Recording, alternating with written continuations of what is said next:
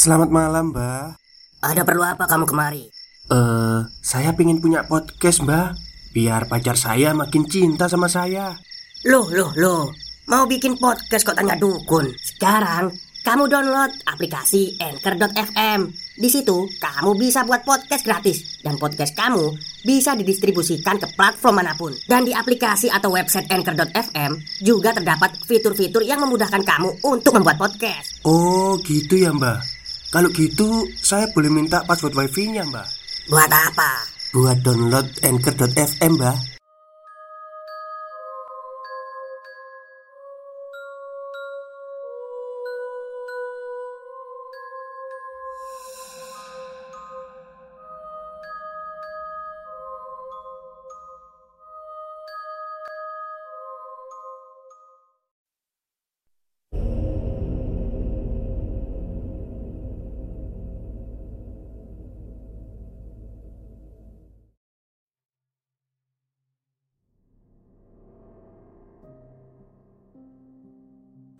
Assalamualaikum warahmatullahi wabarakatuh. Halo semuanya Jumpa lagi dengan saya Chow Sing Sing Kurator dari Podcast Horror Night Story.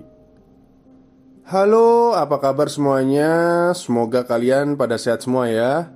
Dan seperti biasanya pada malam hari ini Saya kembali dan akan membawakan sebuah kisah mistis Untuk kalian semua Kisah mistis kali ini datang dari Mas Jai, seorang mantan narapidana, ya, dan beliau akan menceritakan pengalaman mistisnya saat berada di dalam penjara. Seperti apa kisahnya? Mari kita simak. Dear Mas Chow Sing Sing, ini cerita pengalaman saya pribadi dan pertama kali selama hidup saya. Saya bingung menceritakannya mau dari mana. Saya Jai, bukan nama asli. Ini hukum perdana yang saya jalankan karena terjerat kasus narkoba di salah satu lapas di Pulau Jawa.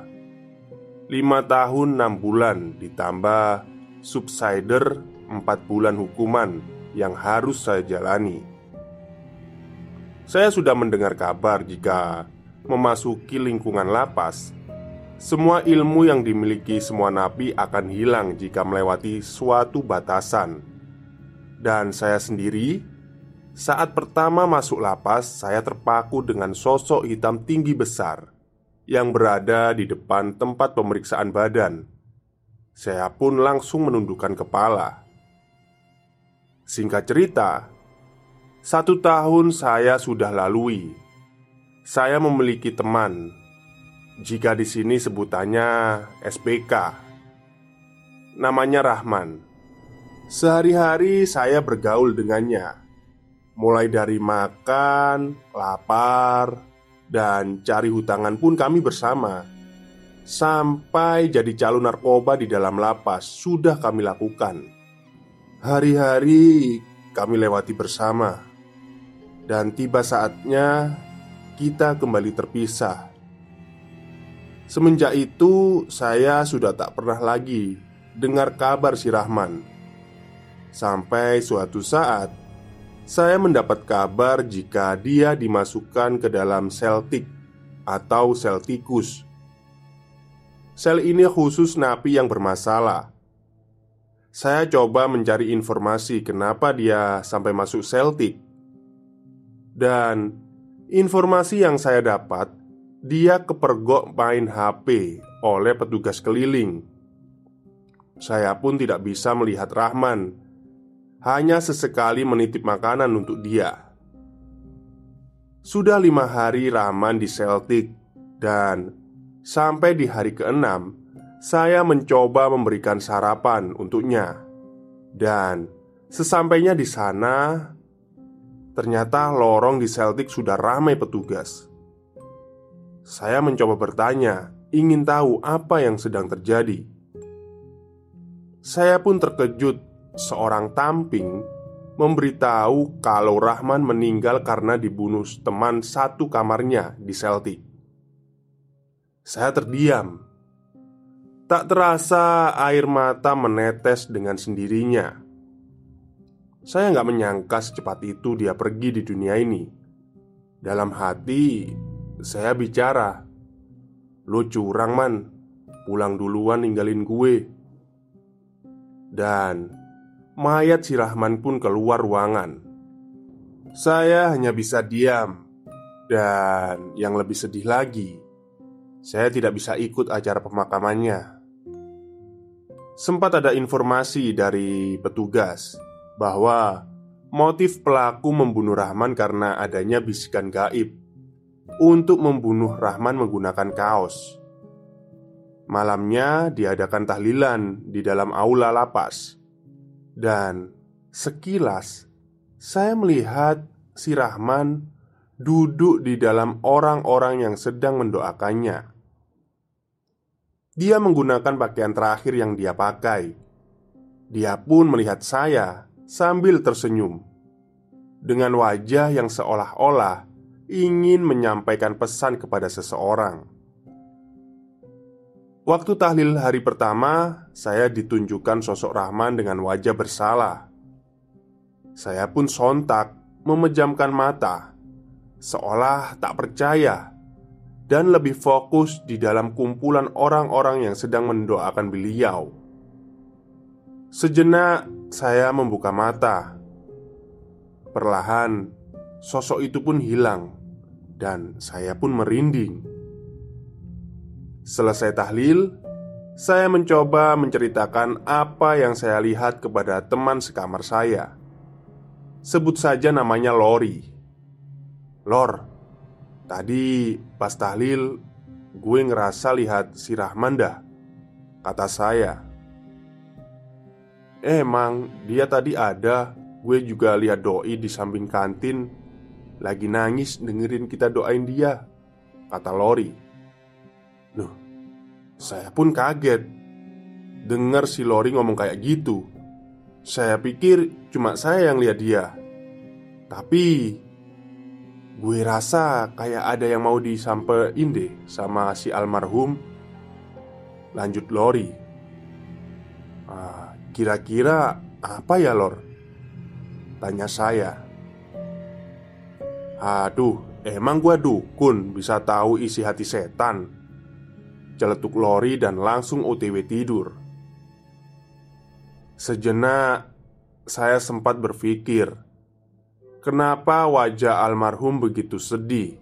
Dan tak terasa saya terlelap Dalam lelap saya diberi mimpi oleh almarhum Jadi almarhum Rahman ini datang menemui saya Dan berkata Tolong sampein ke keluarga gue Kalau gue minta mereka doain gue Ikhlasin gue Gue juga mau minta maaf sama lo dan orang-orang serta semua petugas di sini. Gue nggak akan bisa pergi kalau salah satu napi di sini belum ada yang ikhlas gue pergi. Stop, stop. Kita break sebentar.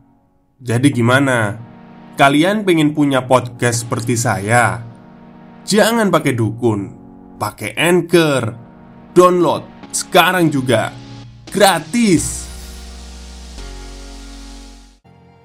Saya pun bertanya, "Emang siapa orang yang udah lu sakitin atau orang yang punya urusan sama lu?" Belum selesai ngomong, sosok Rahman menghilang. Azan subuh berkumandang dan saya dibangunkan oleh kepala kamar untuk sholat berjamaah. Pagi harinya setelah apel pagi, saya menceritakan sama Lori tentang mimpi saya. Saya ceritakan semua alasan almarhum belum bisa tenang kepada Lori. Lori pun terdiam dan mencoba menceritakan semuanya. Empat bulan yang lalu, sebelum almarhum masuk ke Celtic, dia coba mau nipu keluarga gue dengan cara dia chat orang rumah gue dan pura-pura jadi gue di via WA serta meminta sejumlah uang untuk gue agar bisa menjadi tamping atau tahanan pendamping. Oh, tamping itu tahanan pendamping ya. Oke, oke. Keluarga gue percaya aja dan kirimlah uang itu.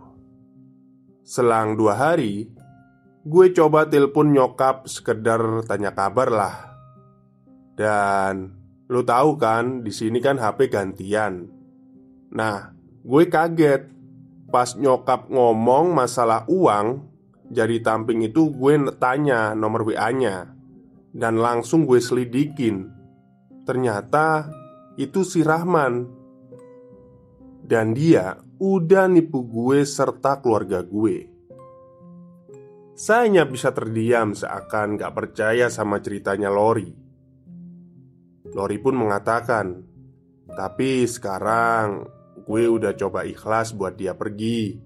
Dan insya Allah gue doain dia. Sejak Lori memaafkan dan mengikhlaskan atas kesalahan almarhum Sejak saat itu almarhum tidak pernah terlihat kembali. Demikian sedikit cerita kisah nyata yang saya alami di penjara ini. Dan pertama bagi saya mengalami hal-hal aneh selama hidup saya Maaf kalau tulisan saya ini susah untuk dimengerti. Maklum HP-nya aja digilir kayak cabe-cabean. Sekali lagi, makasih banyak Mas Kyo udah dibacakan. Oke, terima kasih kembali kepada Mas Jai yang sudah mengirimkan ceritanya lewat sel. Jadi, bentar, di paragraf terakhir ini kayaknya Mas J ini masih ada di dalam penjara ya. Jadi kayaknya nulis ceritanya ini ya lewat HP yang gantian itu. Aduh, salut sama Mas J ya udah mengirimkan ceritanya melalui penjara. Ya semoga sehat-sehat Mas J di sana. Dan ya semoga cepat bebas lah ya dari penjara Oke, mungkin uh, itu saja yang bisa saya bacakan dari tulisan Mas Jai. Mohon maaf kalau uh, agak rancu ya bahasanya. Tadi sudah saya edit, cuma agak kurang kurang mungkin kurang enak untuk dibaca. Tapi gak masalah kan ya. Oke, mungkin itu saja dari saya. Saya mohon undur diri. Assalamualaikum warahmatullahi wabarakatuh.